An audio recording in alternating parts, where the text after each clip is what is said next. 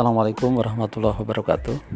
Bapak akan lanjutkan uh, pada kesempatan ini informasi bagaimana cara mengembangkan tulisan dengan menggunakan sumber atau pendapat dari ahli atau buku atau jurnal yang ditulis orang lain.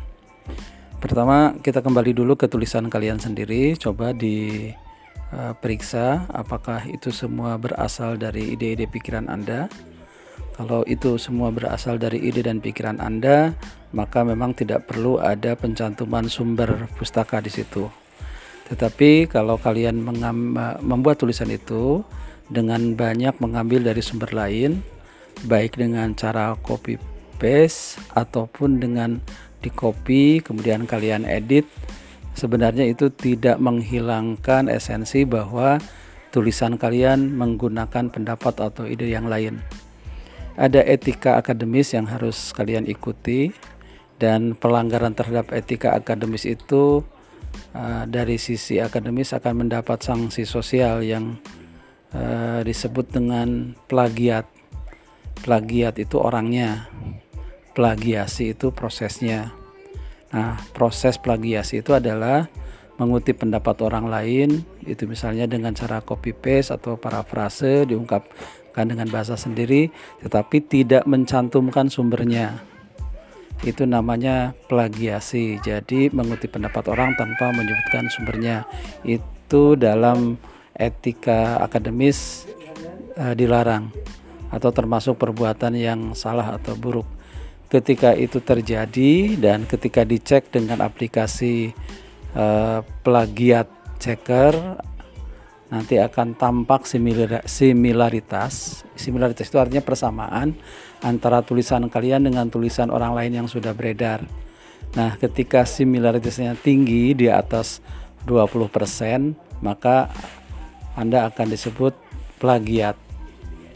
Supaya terhindar dari uh, perilaku keliru tadi dan mengikuti etika akademik, maka pastikan ketika kalian mengambil pendapat dari ahli yang lain, nama ahlinya disebut dalam tulisan kalian dan informasi tentang tulisan itu ada di daftar pustaka. Dengan demikian, kalian sah menggunakan pendapat orang lain dan terhindar dari perilaku plagiasi. Dan kalian sendiri tidak termasuk orang yang disebut dengan plagiat. Plagiat itu kalau dalam kehidupan sehari-hari sebutannya lebih kasar pencuri pencuri pendapat gitu ya pendapat orang.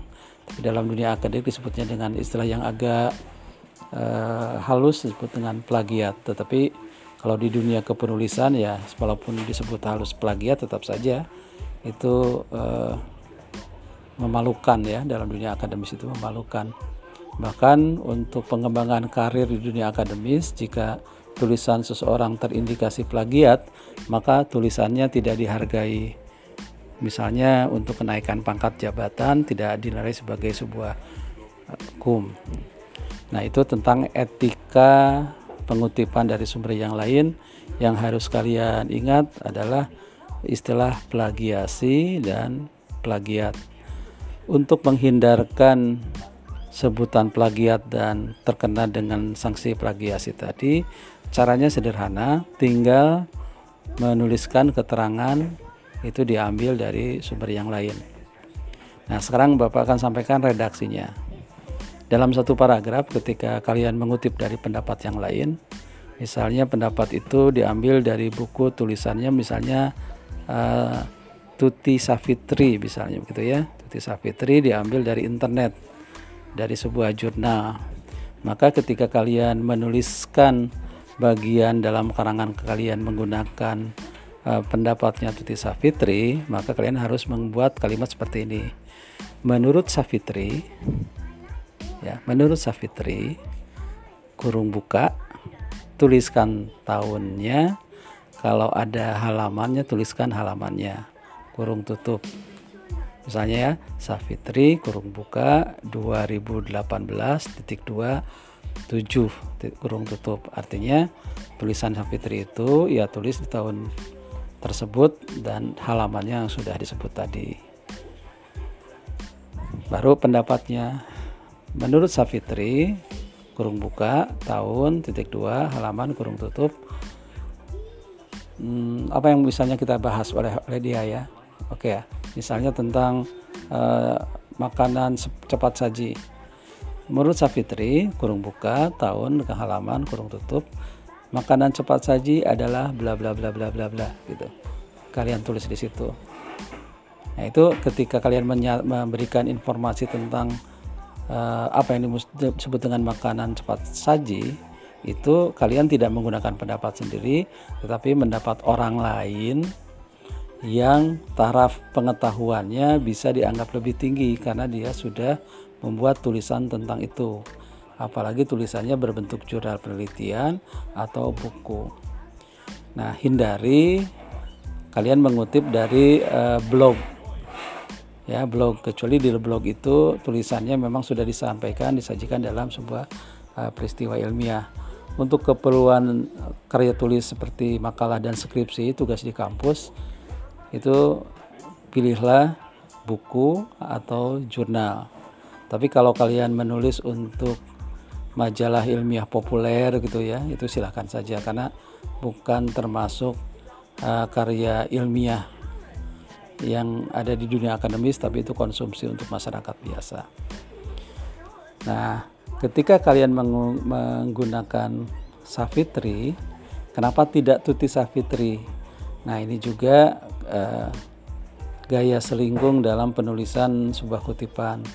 Sudah disepakati oleh para pendahulu kita dalam dunia akademik bahwa yang dituliskan itu adalah nama belakang. Misalnya kalau namanya uh, Ahmad Rudi Siregar tiga kata ya berarti yang diambil Siregarnya saja. Seperti nama saya Agus Mulyanto maka yang disebut menurut Mulyanto nah gitu tidak menurut Agus tapi nama yang kedua. Itu strategi penulisannya kemudian nanti di akhir tulisan setelah penutup dan setelah penutup itu ada tambahan daftar pustaka. Nah daftar pustaka itu urutannya pertama nama. Misalnya tadi ya Tuti Safitri maka ditulisnya Safitri, koma Tuti. Ada tanda titik cantumkan tahunnya. Jadi kalau kalian misalnya mengutip dari jurnal lihat jurnal itu terbit tahun berapa ya misalnya tadi sudah disampaikan 2018 misalnya atau 2019 kemudian titik tuliskan judul artikelnya atau judul bukunya. Di judul buku atau artikel ini dicetak miring atau ditebalkan di bold. Kalau tidak italik maka bold. Titik ya titik. Kemudian kalau itu berupa buku cantumkan kota di mana buku itu diterbitkan. Misalnya Bandung titik dua sebutkan penerbitnya. Misalnya Prosda Karya kalau bentuknya buku. Tapi kalau bentuknya artikel jurnal online setelah uh, setelah judul tulisan itu nah, kalian tuliskan online titik dua. Nah alamat uh, link webnya ketik di situ. Misalnya uh, https titik dua slash uh, jurnal nah dan seterusnya sampai selesai kalian klik saja dari link yang muncul di atas ya di komputer kita yang itu menunjukkan alamat tempat uh, di dunia maya di mana artikel itu ada. Nah, kalau kita sudah cantumkan di daftar pustaka, maka orang lain untuk mengecek tinggal mengklik linknya tadi. Nah, begitu seterusnya. Jika sumber tulisannya banyak dan biasanya sih lebih dari satu disyaratkannya uh, urutkan alfabetis jadi kalau ada namanya Tuti Safitri, uh, Agus Mulyanto misalnya ya, berarti urutannya Mulyanto Agus dulu, baru Safitri Tuti karena M mendahului S. Tapi kalau ada juga yang menulisnya Abdurrahman Aziz gitu tulisan, maka jadi Aziz Abdurrahman karena huruf pertamanya A, maka dia ditulis di urutan pertama. Itu alfabetis. Kalau kalian menggunakan aplikasi Mendeley, tidak harus diurutkan lagi karena sudah berurut sendiri. Tapi kalau dilakukan secara manual, ya kalian mesti di shot kemudian diurutkan dari A ke Z gitu ya huruf pertamanya. Dari A sampai ke Z. Itu cara kalian menyebutkan uh, kutipan dengan daftar pustakanya. Nah sekarang saya tambahkan dalam kutipan.